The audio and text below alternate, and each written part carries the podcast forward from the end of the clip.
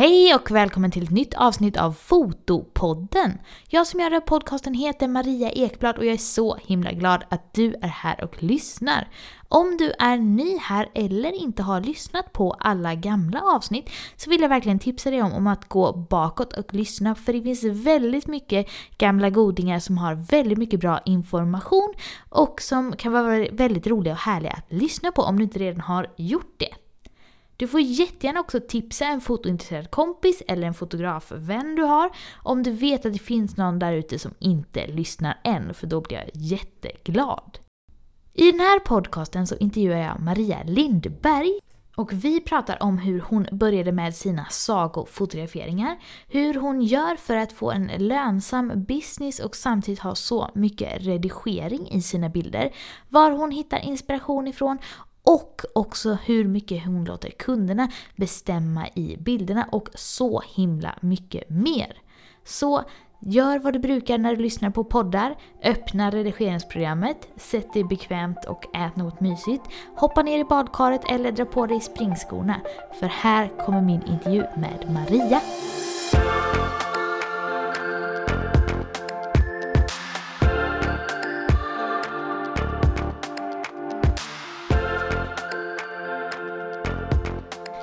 Och välkommen till Fotopodden! Hej! Vad roligt.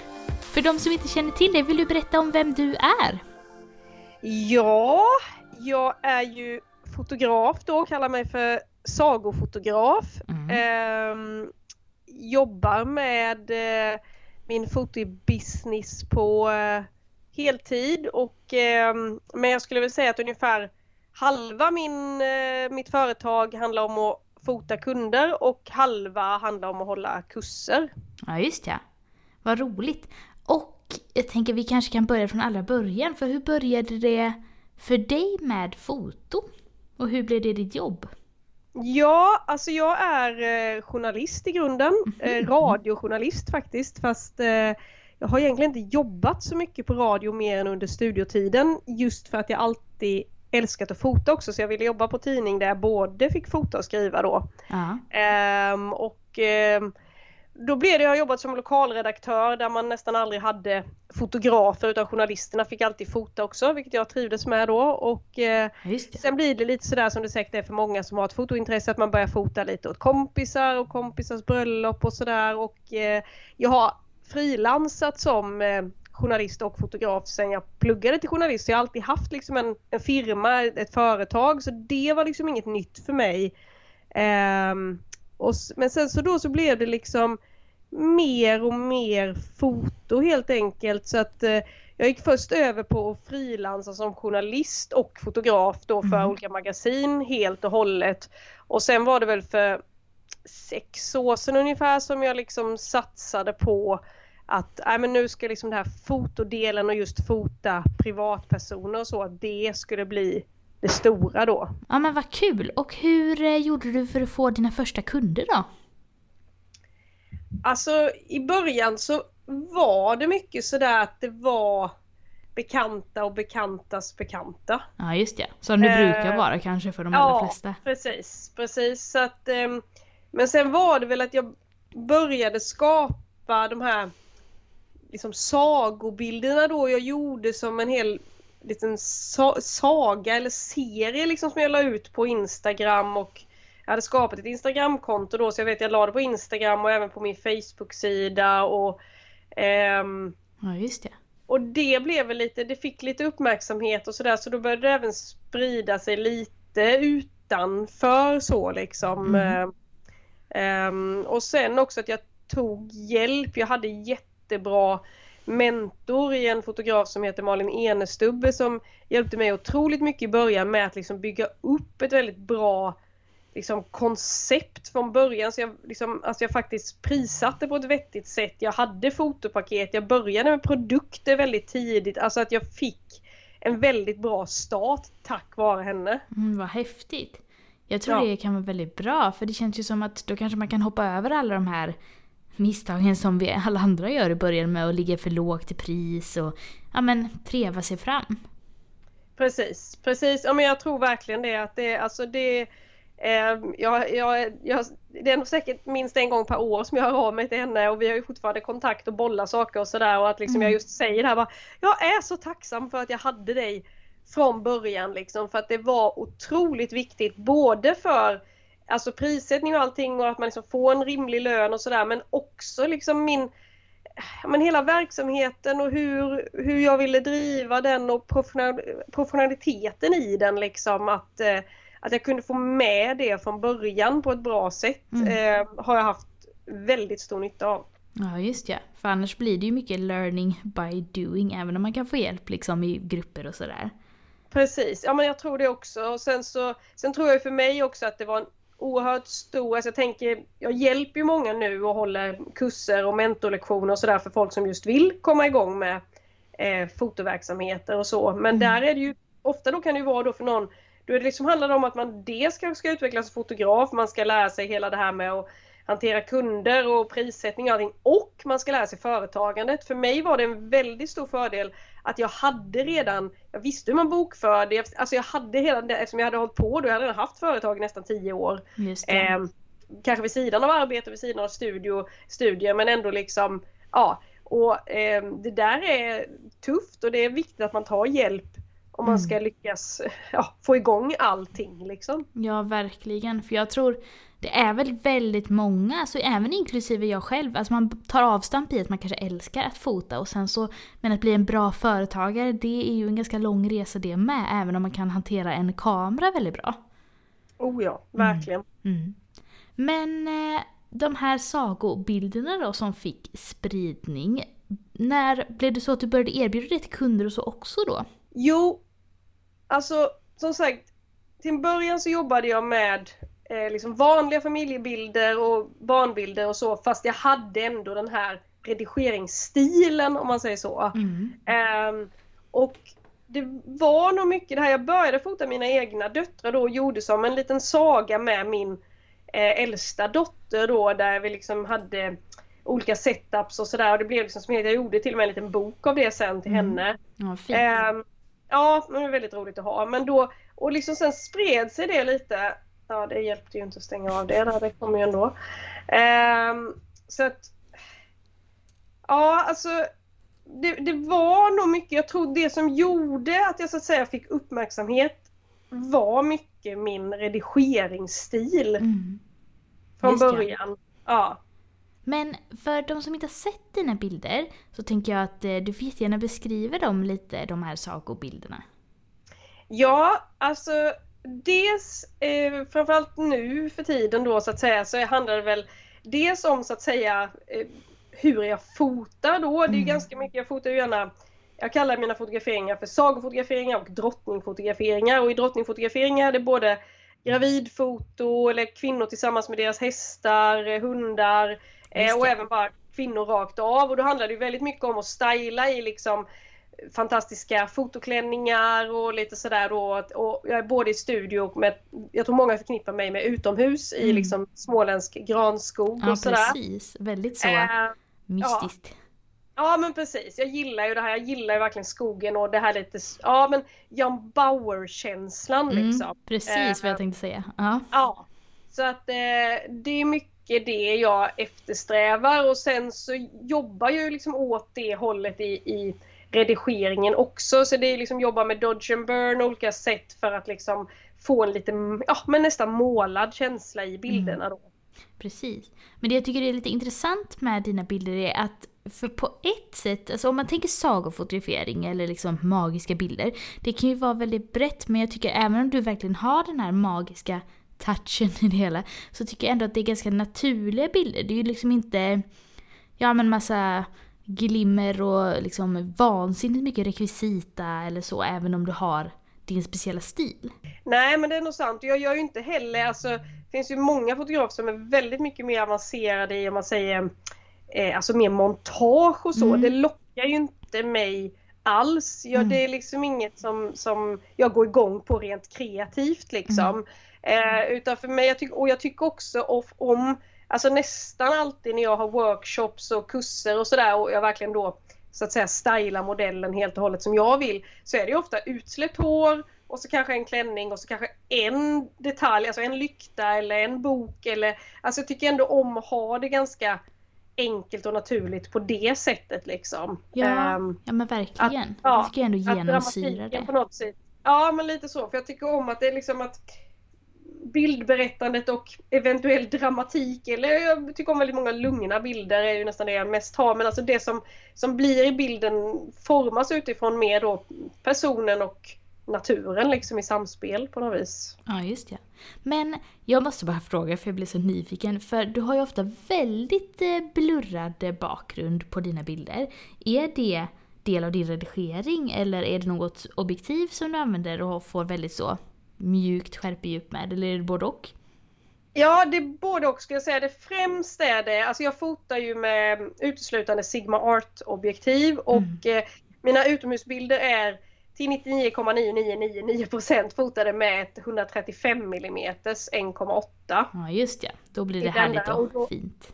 Ja precis och de ger fantastisk bouquet och eh, väldigt skarpt liksom där, där skärpan sitter. Eh, mm.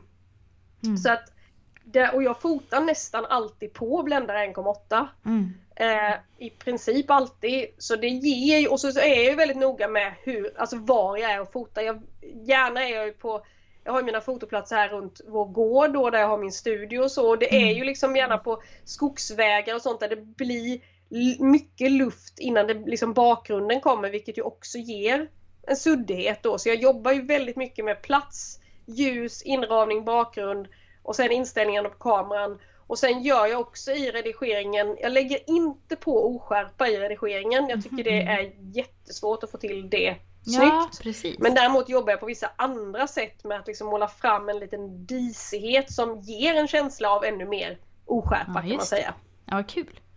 Men när man gör sådana här fotograferingar som kanske kräver lite mer redigering, hur gör man då för att det ska bli bra business av det hela för att knyta an lite till det du pratade om i början? Alltså jag, jag räknar ju in det liksom i eh, min tid, alltså så när jag skapar mina paket Mm. Så räknar jag ju liksom ut en tid för fotograferingen och sen en tid för redigeringen då. Mm. Um, och då har jag räknat ut att det är ungefär en halvtimme per bild jag lägger. Ja, um, och Så det är liksom inräknat i priset. Mm. Um, och sen så har jag, jag har testat olika sätt men jag har gjort så att jag har i mina fotopaket så ingår det bara lågupplösta digitala filer. Mm. och uh, så att det är liksom, jag, jag redigerar klart liksom innan kunden får men sen så när kunden beställer förstoringar och sånt här då kommer jag ju sätta mig och verkligen gå in och småpilla liksom. Eh, men då är det ju ytterligare en kostnad som kommer där mm. så då räknar man in den tiden där liksom. Eh, Vad intressant! Men, jag tror jag aldrig, ja. jag har aldrig hört om någon som har just det upplägget att man kanske gör lite extra redigering om bilden ska upp i något stort. Men det är ju också ett väldigt smart sätt att göra det. Ja, alltså jag kan ju säga, alltså den är alltid, den är alltid färdigredigerad ska man säga stilmässigt och kunden kan själv printa sådana här 10 x 15 bilder av de här filerna de får av mig. Mm. Eh, och det håller liksom för men sen just, alltså jag tror ändå de flesta, alltså många fotografer jag pratar med så när man väl ska printa, att man verkligen går in, då går man in och kollar minsta lilla, för jag, då är jag verkligen inne och småduttar. Är det mm. några små märken på huden? Är det något hårstrå som ligger fel? Mm. Finns det något sådär jag vill plocka bort extra? Jag plockar alltid bort massa grejer i sig i naturen ändå, sånt som stör mig. Men då kan det vara ytterligare någonting så jag verkligen går ner på detaljnivå och går igenom bilden liksom. Mm. Um, så då lägger man ju ytterligare tid där, men, men då är det givetvis inräknat den kostnaden som, alltså mm. ja, det priset som, som är då för själva förstoringen eller vad det nu är, album eller ja så. Mm. Och då måste jag också fråga, för det här är något som jag diskuterar mycket med mina fotografkompisar och som jag inte kan låta bli att fundera över. Tror du, upplever du att Alltså det kan ju vara svårt att veta också som fotograf, men upplever du att dina kunder förstår skillnaden med lågupplösta eller tror du att de försöker smygprinta dem till större ändå och nöjer sig även om det blir suddigt? Det finns det säkert de som gör och jag har, men jag har väldigt tydligt eh, men det är fortfarande ibland att man ändå, alltså det, jag skulle nog säga att jag ganska kontinuerligt sådär uppdaterar mina olika beskrivningar i såna pdf och sånt man skickar mm. till kunder. Just för att det, det uppkommer ibland situationer man, jaha, oj, där kanske jag kunde varit ännu tydligare mm. i att mm. förklara vad det innebär. Men jag har ju till exempel inte använt ordet, ordet lågupplöst egentligen så mycket för det blir ganska otydligt. Utan istället så skriver jag att eh, det är webbbilder kallar jag det och jag kallar dem webbilder 10 x 15 cm. och sen så på ett ställe då i texten så förklarar jag lite längre att det här är bilder som passar utmärkt att lägga på Facebook och Instagram och du kan printa dem upp till 10 x 15 liksom. Just ja. Mm. Um, och sen har jag också en liten logga på dem fast lite så här snyggt ner i ett hörn då liksom. Ja, just ja. Så att det finns säkert de som, som eh, printar där också. Och jag menar, vill man göra något litet album så kan ju det funka utmärkt även om bilderna bara blir 10 ja. x 15 liksom eller så. Mm. Nej för jag så, tycker bara det är så intressant. Det är, alltså, man har ju lika mycket olika kunder som det finns olika fotografer såklart. Och ja. så för någon är det väl säkert jättenoga att det ser perfekt ut. Men jag, jag kan ändå inte låta bli att fundera ibland, eh, folk som liksom inte är så insatta i bilder och kanske inte ja, men, jobbar med detta eller bry, alltså att man kanske inte ser så mycket eller bryr sig om att det blir lite suddigt och då kanske blåser upp dem. Det är en av anledningarna till att jag, jag, jag säljer produkter men jag säljer även högupplösta filer för att jag har tänkt att så här, jag, jag är inte övertygad om att det finns en skillnad. Men ja, jag tycker bara det är intressant för man kan tänka sig olika. Ja, nej men absolut, men jag håller med dig. Jag har gjort så nu, jag hållit på att ändra det lite fram och tillbaka. Ett tag så gick det inte att köpa högupplösta av mig alls. Mm. Och eh, sen övergick jag till att man kunde köpa, det, det kan man nu också. Men jag har framför allt så att om man beställer produkter för över en viss summa. Mm. Då får man hög, högupplösta av de bilder man beställer produkter av. Ja just det. Ja, men det är ju också ett jättebra sätt. Ja, så, mm. att, eh, så så har jag gjort nu och då är det ju samma sak med dem då givetvis att på samma sätt som jag småpillar på själva bilderna som printas så småpillar jag på de här högupplösta för de kan ju kunden smälla upp jättestort då liksom. Mm. Eh, så att, eh, ja nej. Mm. Så att eh, det och då, det står ju också så då tänker jag där får ändå kunden ett hum om då att okej okay, i det här paketet jag köpt nu så ingår det 10 gånger 15 bilder. Sen finns det möjlighet då att få de här högupplösta då. Sen är det ibland att folk frågar liksom, vad innebär det och så här. Och man märker ju också jättestor skillnad tycker jag. En del kunder säger rakt ut att ja men nu har vi vi vill ha det här och det här för vi vill komma upp i den här summan så att vi får de här högupplösta. Mm. Medan vissa kunder är helt o... o bara, varför ska jag? Nej, jag vill bara kunna lägga ut på Facebook och Instagram och sen vill jag hänga på väggen. De har ja, inget intresse i att ha några Alltså det är jätteolika hur, ja. hur man ja, men, tänker. Ja men verkligen. Och jag har haft kunder som när jag har frågat om de, alltså de köpte en jättestor tavla till sitt eh, vardagsrum på barnen. Och sen så när jag frågade vad, om de vill ha några digitala bilder också, då frågade de vad är det? så det finns ja. ju verkligen så här, ja men alla möjliga. Men eh, Ja, men jag tycker bara det var lite intressant. Men vad kul! Men mm. eh, vad eh, brukar det vara för produkter dina kunder väljer då?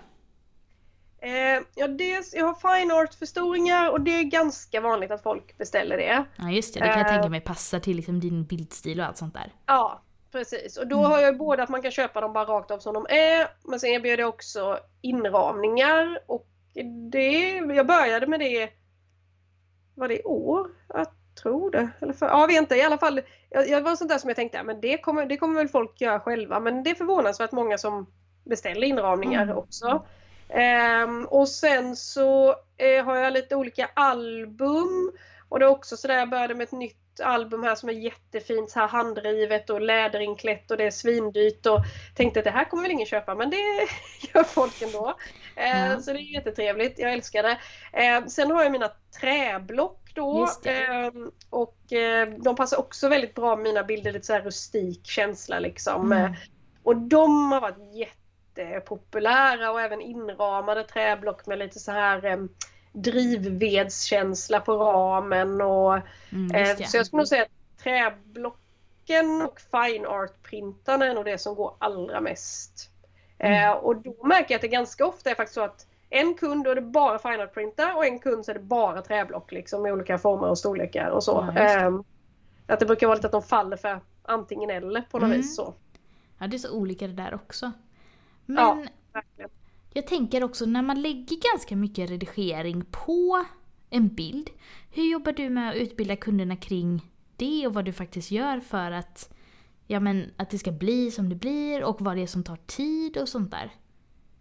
Ja, alltså i början upplevde jag att jag fick göra det en del men nu för tiden, alltså de, jag tror ändå de flesta, i alla fall de som väljer mig, eftersom jag i och med att jag jobbar så mycket så kostar det ju ganska mycket liksom. Mm. Eh, och väljer man då mig så väljer man mig på grund av min bildstil. Eh, så, och tycker att det är värt att betala det. Och, och då har också de flesta liksom förstår att det är ganska mycket eh, Mm. ja, som kommer till. Så det är något sånt där som jag ofta kan höra på fotograferingar också. Att bara, ja, jag undrar hur det kommer se ut här sen och så här, det ska bli så spännande se. För du kommer ju säkert göra något helt annat och bla bla bla bla, bla sådär. Så att Ja. folk är lite sådär att de förstår att det händer mycket.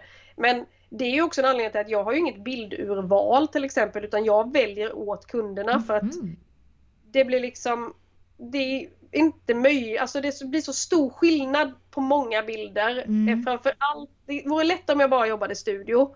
För Ja. där är det en större likhet även om jag lägger till och donar en del där också. Men i naturen så händer så himla mycket. Ehm, och ibland lägger jag till extra grenar och jag fixar och donar och håller på liksom. Och då ehm, Ja men det är och gruppbilder så är det ofta att jag byter lite huvuden och jag fixar Ja. och donar lite. Det är så svårt liksom för att de kan inte titta på de oredigerade bilderna och se det som jag ser vad det kommer Nej. bli. Nej precis. Eh, så, så jag har ju liksom inget bildurval eh, utan jag har de betalat för 10 bilder så väljer jag ut och, och redigerar och levererar 10 bilder. Aha. Ja, Alltså jag tycker det är så spännande när man pratar med fotografer för det blir lite som att vi typ är motsatser. För jag jobbar ju typ på att ha så lite redigering som möjligt och sätta allt i kameran i studion. Och sen så gör jag 30 bilder som de får välja mellan, lätt redigerade. Och så redigerar jag ja, de lite till på de som de har köpt, om det behövs.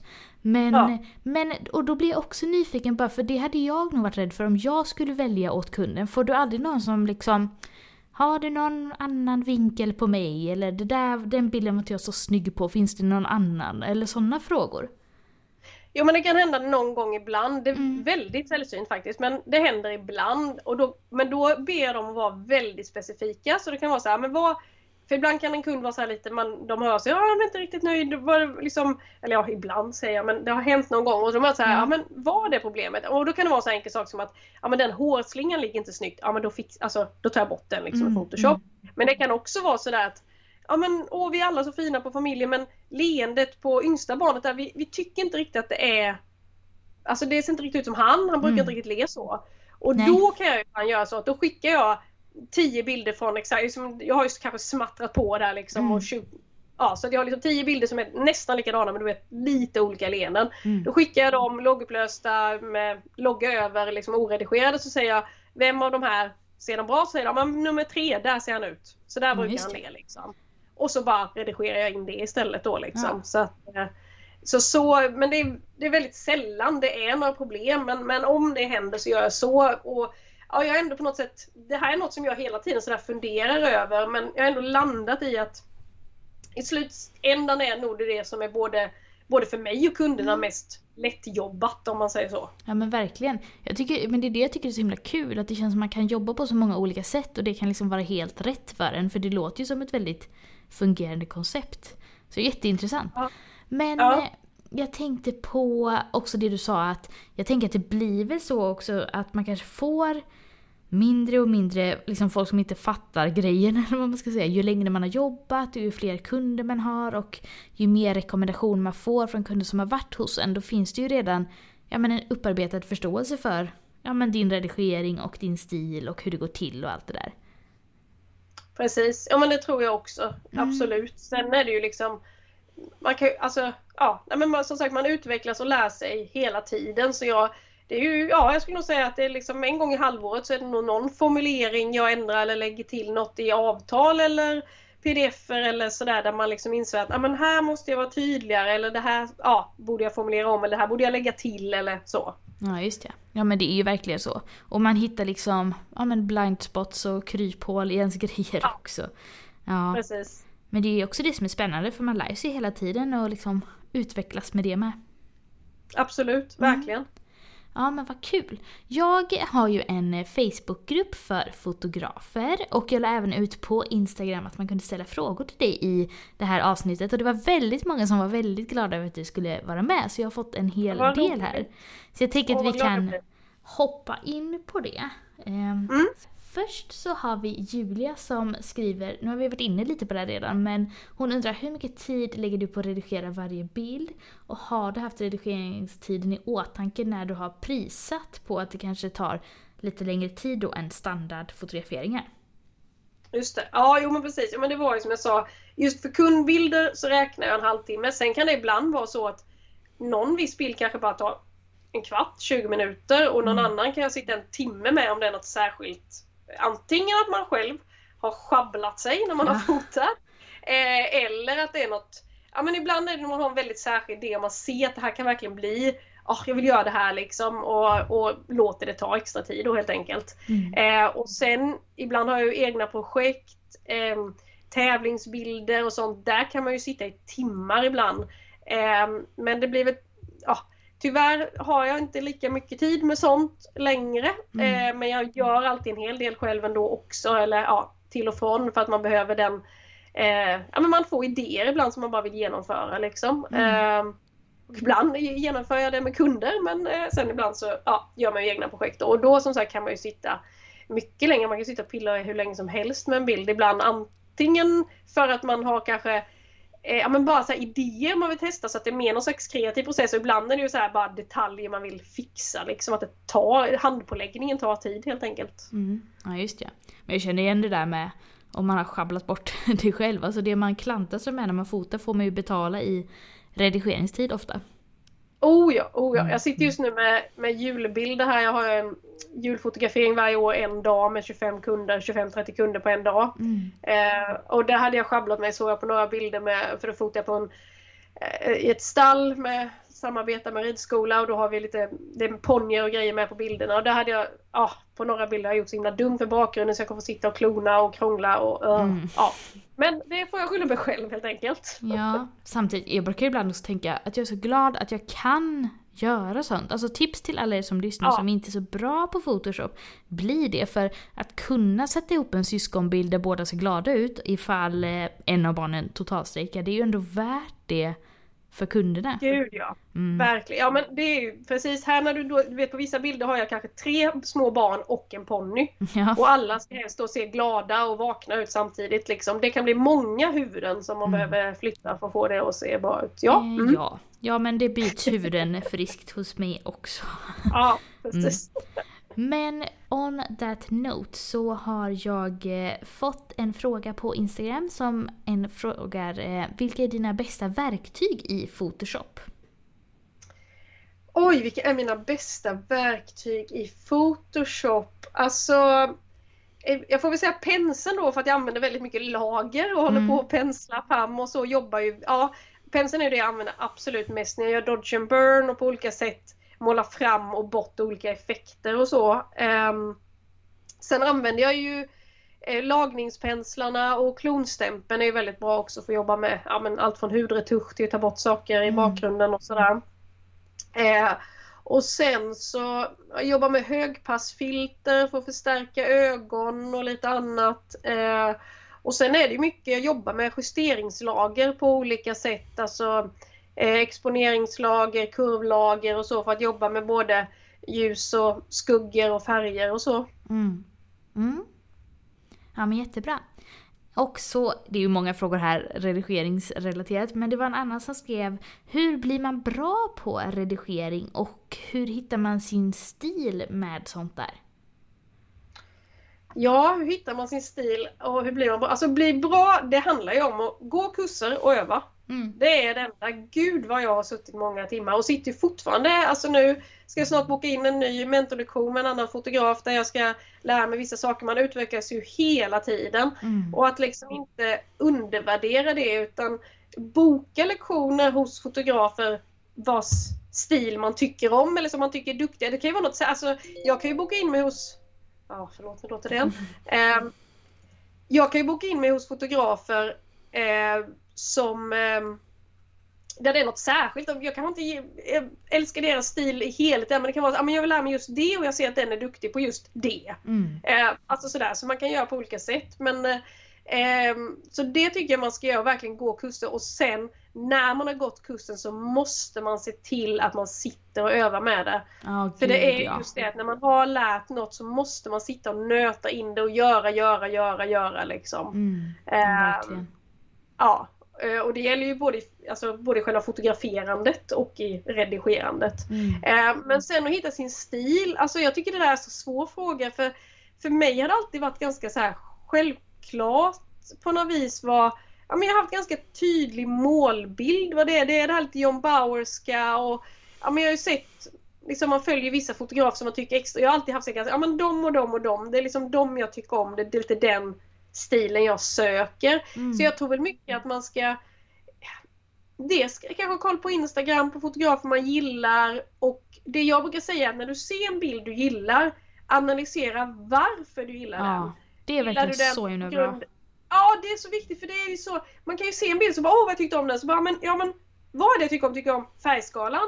Tycker jag om eh, själva vad modellen gör så att säga eller, Mm. eller hur, vad modellen har på sig eller miljön. Alltså analysera det och utifrån det kan du börja bygga upp din egen stil för då kanske du inser att Ja, nej jag tyckte inte jättemycket egentligen om färgskalan men jag älskade just att det, att det var eh, hästar de hade fotat ihop med små barn. Eller alltså, ja, så man liksom på något vis kommer fram till vad det egentligen är man dras till i Mm. bilder så att man kan jobba åt rätt håll med sina egna bilder. Ja, verkligen. Och jag tycker det var intressant att du tog upp det, för jag gjorde ett avsnitt nyss. Jag gör ju inte bara intervjuer, utan varannat avsnitt pratar jag bara själv om fotorelaterade saker. Och då Ja, pratade jag om ja, men den hårfina linjen mellan att härmas och inspireras av någon. Och också tog Ja. upp det som ett tips, att man kan ju verkligen som du säger, hitta något hos en fotograf. Kanske är det uttrycket den eh, gör att folk får, eller kanske är det ljussättningen, eller posering, eller färger, eller något. Och så kan man liksom kanske låna lite av det och blanda in med sin egen stil och hitta något ja, men hos någon helt annan. Och på så sätt kanske hitta en unik stil för sig själv. Om man liksom plockar lite russin ur kakan här och där. Mm. Ja, det måste, avsnittet måste jag verkligen lyssna på. Det tycker jag är jätteintressant. eh, för jag tycker det är verkligen, alltså eh, det är viktigt, alltså inspireras måste man och man, man kan ju se, det kan ju se på andra fotografer också, kan ju se oj, nu har, har den gått kurs hos den nu? Ja det hade den ja. Ja. Då ser man det ett tag liksom att bilderna blir väldigt mycket så. Men, att, och, men sen ofta så, så börjar de hitta sin egen väg där man har plockat med sig lite och det är ju Mm. viktigt det där att man inte härmar rakt av men gärna plockar inspiration och inte bara från fotografer utan från, jag menar jag inspireras av konst, av Mm. bara så att säga naturen, av ett klädesplagg, av mina barn, av djuren. Alltså, Ja, ja. verkligen. Verkligen så himla viktig poäng. För, och även så här, för mig kan det också vara typ ja, men filmer eller något jag sett på YouTube, alltså som inte har med foto att göra alls, eller viss musik Gud, ja. eller så. ja Eller också bara av verkligen. kunderna själva, typ hur de är och hur de rör sig och ser ut och står naturligt typ, eller interagerar med varann. Precis. Ja men det tror jag är jätteviktigt och att Mm. man ehm, och sen tror jag också, jag tror det är lite farligt det där ibland när folk säger att jag vill hitta min stil, vill hitta min stil. Ja, men din stil är kanske inte bara ett. Alltså jag vet ju fotografer som kan kanske erbjuder tre olika stilar. Jag vill en, en fotograf eh, som, oh, de kommer inte på vad hon heter, men hon har både, hon erbjuder sina kunder mer fine artigt, lite Mm. mer som, som mitt, och sen erbjuder hon lifestyle. Ja, just det. Och då kan man välja vilket man vill ha av det då liksom. Mm. Ehm, så att jag tänker att man måste inte känna för en del så, "Ja, men jag tycker om så mycket olika. Ja men du kanske inte måste välja ett sätt. Det är väl mer att du ska hitta din väg eller dina vägar då liksom. Ja. Eh, men det är klart, har man kunder så måste man ju ändå det kan inte bli en surprise varenda gång vad de får för redigering så att säga. Nej, det är sant. Men att, man, men att man hittar då, det måste inte vara på bara ett sätt tänker jag utan man kan faktiskt eh, eh, ha några olika då och kanske vara tydlig med att man kan välja det eller ja, Ja. så. Ja, ja men verkligen. Och jag tror också man kan tjäna på att inte vara för smal heller. Jag upplever att jag har väldigt mycket mer kunder sen att jag börjar visa upp att man kan ha Ja men man kan fotas både liksom i sina vanliga kläder, ganska vanliga studiobilder eller man kan ha liksom låna alla mina hysteriska klänningar i studion och göra det. Och ja men det finns många olika varianter för då breddas ju också kundunderlaget liksom. Absolut. Och, jag, men, och framförallt är väl det, det som är viktigt är ju att visa upp det man vill göra mer av. Alltså Ja. så är det ju Ja, men verkligen. Att, eh, att liksom, för jag menar jag kan ju ibland fota sånt som, som jag tycker kanske är kul då men jag kanske känner att ah, men det här är inget jag vill göra jättemycket av. Nej men då visar jag inte upp de bilderna så Nej, mycket. Precis. Eh, Medan om man känner kanske att, ja men som jag tycker jag fotar ju väl, jag har ju alltid min stil på allt, allt, allt. Men däremot kan jag ju fota lite olika motiv om man Mm, säger så då. mm. Ehm, och eh, att, att det för mig är det viktigt, jag tycker om variationer. Jag vill inte fota bara gravida. Jag älskar att fota gravida men jag vill inte fota bara gravida. Nej. Jag älskar att fota hästar men jag vill inte fota bara hästar. Så för mig är det viktigt att jag visar upp alla de här att folk ser vad man vill och det tänker jag Ja. också stilmässigt. Att visa upp den stil du vill eller de stilar du vill fota Mm. så kommer de som tycker om det komma till dig. Ja, verkligen. Och det tycker jag är så intressant. Jag jag tycker man kan se en ganska direkt korrelation med show what you wanna sell. Alltså lägger man upp mycket av något så får man ju mycket av det också. Oh ja, Mm. verkligen. Mm. En till fråga här från en Erik är, använder du, eh, vad, använder du ritplatta när du redigerar? Oh ja. Jag skulle inte klara mig utan den. Nej. Jag tycker det är Nej. lite, jag älskar också min ritplatta men det är många som tycker det är ganska svårt att komma igång med en ritplatta. Ja, alltså jag rekommenderar ju alltid, och nu vet jag inte, nu får du stoppa mig om jag inte får göra reklam. Men moderskeppet. Ja. Eh, alltså på moderskeppet finns en fantastisk kurs just med ritplatta. Det är det med Wacom-platta men man kan ju använda det till vilken Mm. ritplatta som helst. Men eh, den tyckte jag var grym just för att man fick väldigt bra genomgång så här. Ja, bara lärde sig använda den och sen också var det liksom så här, nu lägger du undan din mus i två veckor och Ja. använder bara ritplatta. Så man verkligen kom in i det. Sen Ja, är ju, men jag använder ju mus på allt annat jag gör på datorn och använder bara ritplatta i Photoshop. Men att jag just tvingade mig själv att göra det där i två veckor gjorde att ja men då var det helt naturligt liksom och inte jobbigt. Och det Mm. är så, ja men sitta och göra Dodge and Burn jag, jag vet ju fotografer som gör det fantastiskt fint med mus. Jag fattar inte hur de lyckas. Jag, det, Nej. ja, jag, det, jag tycker det, och också ergonomiskt så känner jag hur mycket bättre det är för mina axlar och så. Ja, verkligen. Jag använder faktiskt min ritplatta, alltså kanske mer än, alltså, ba, alltså jag använder mycket mer än bara redigering men nästan mer än datormus. För jag gillar touchplattan, alltså plattan på den, det känns lite som man har på en laptop.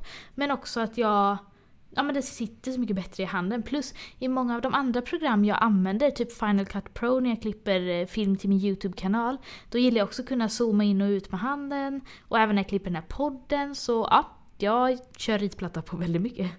Ja men det förstår jag. Nej, jag har stängt av touchfunktionen på min för jag blev bara höll på råka klicka på Ja. massa saker hela tiden. Ja, Eh, men jag har en sån här annan stor eh, mus då som är som en stor platta liksom så att jag har samma på den helt enkelt. Så att, Ja, just det. eh, Ja, ja, precis. ja men jag förstår vad du menar. Ja. Sen så har jag fått en annan fråga här från Sara på Instagram och hon undrar hur mycket låter du kunderna bestämma under fotograferingen när det gäller hur det ska fotas och komma med egna idéer jämfört med hur mycket du bestämmer själv? Helst ingenting. Nej då, nej jag skojar bara. nej. nej alltså.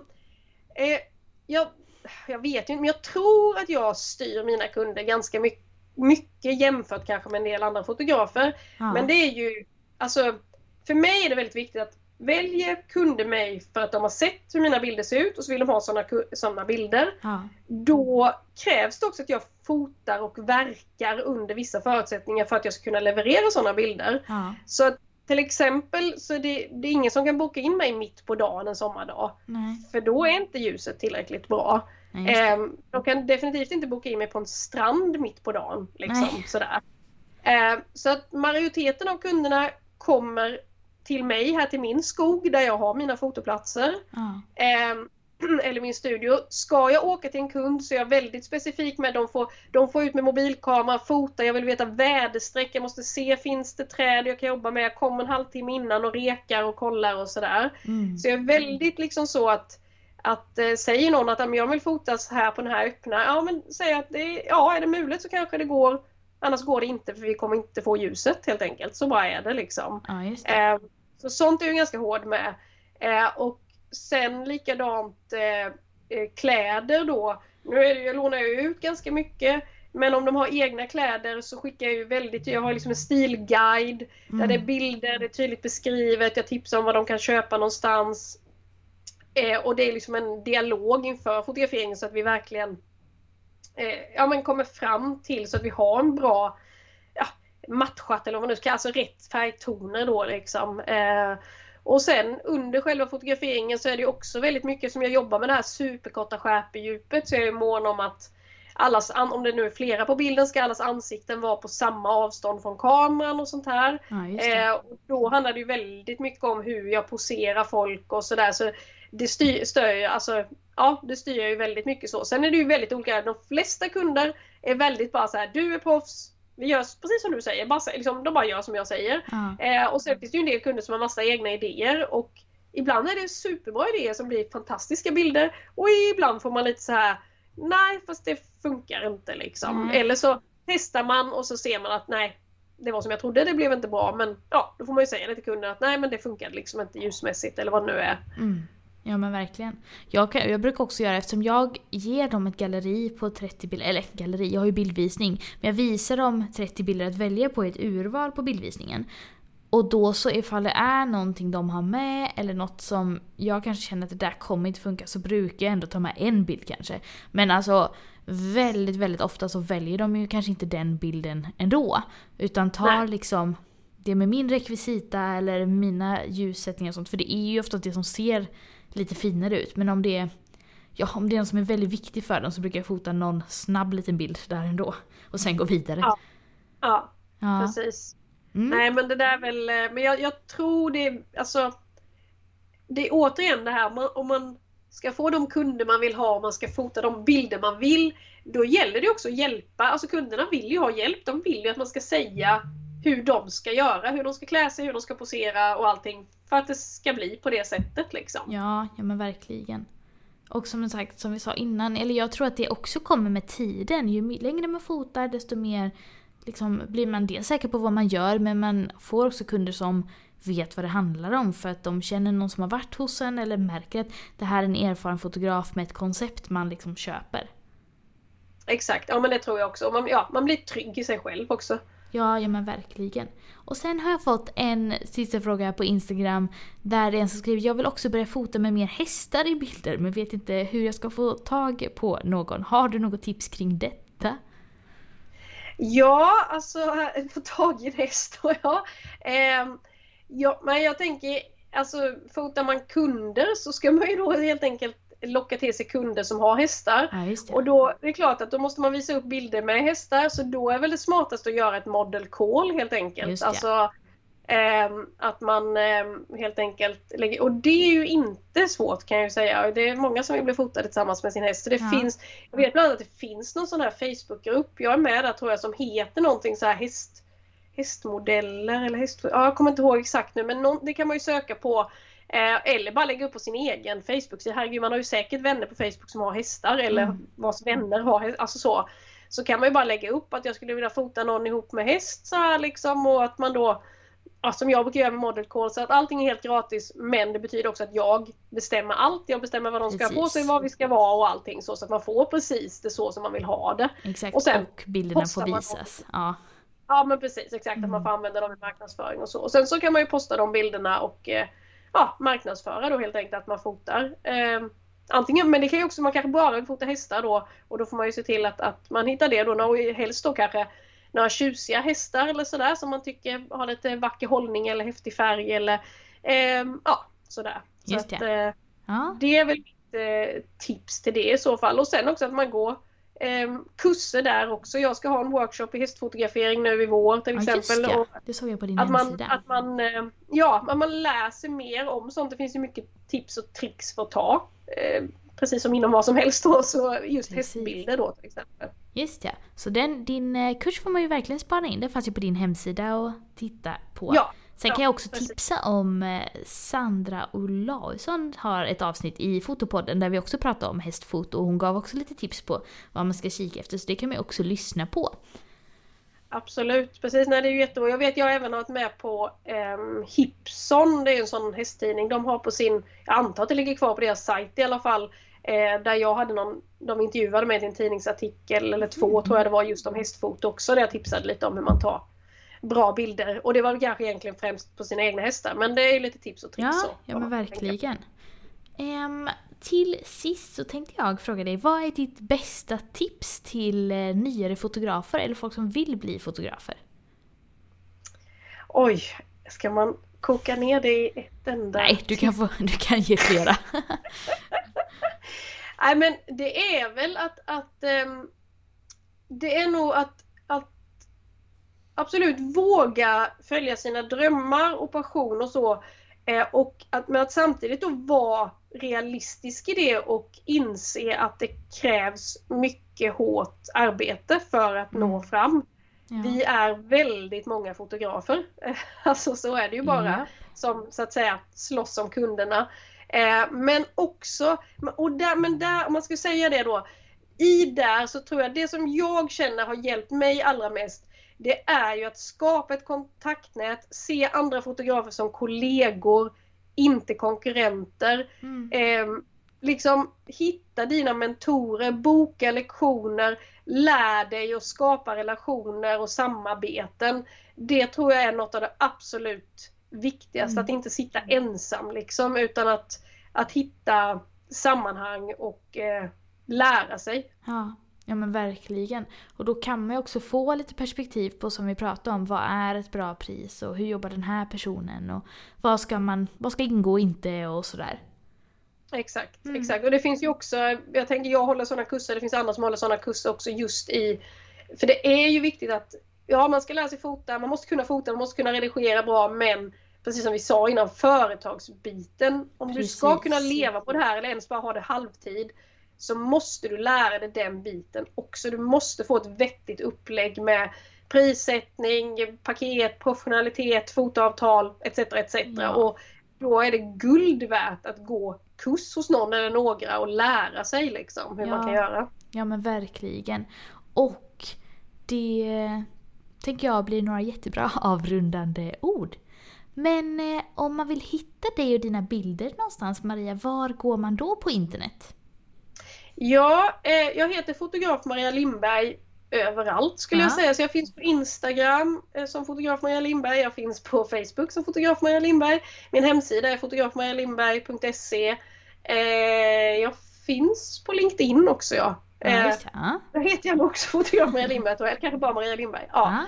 Men jag skulle vilja säga att Facebook och Instagram är väl kanske de platser som är eh, enklast att hitta mig och där försöker jag också vara ganska duktig på att uppdatera om eh, ja, nya kurser och sådär och lite mm. eh, sånt som kommer framöver. För det blir lite roligt till, till våren här nu som sagt eh, workshop i hästfoto och även ett samarbete med Martina Wärenfeldt som du har ja, haft med i podd tidigare. Hon och jag ska ha en workshop tillsammans också. Gud, så det är roligt. lite, Ja, jätteroliga grejer på gång. Ja, spana in det ni som lyssnar och lyssna på Martinas avsnitt också.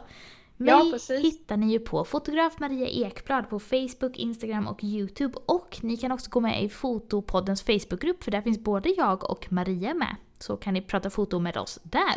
Tack så hemskt mycket Maria för att jag fick eh, låna dig en stund. Tusen tack och jag hoppas inte jag har låtit för täppt. Jag Nej då. Det låter jättebra. Ha det jättefint alla lyssnare. Hej då! Hej då!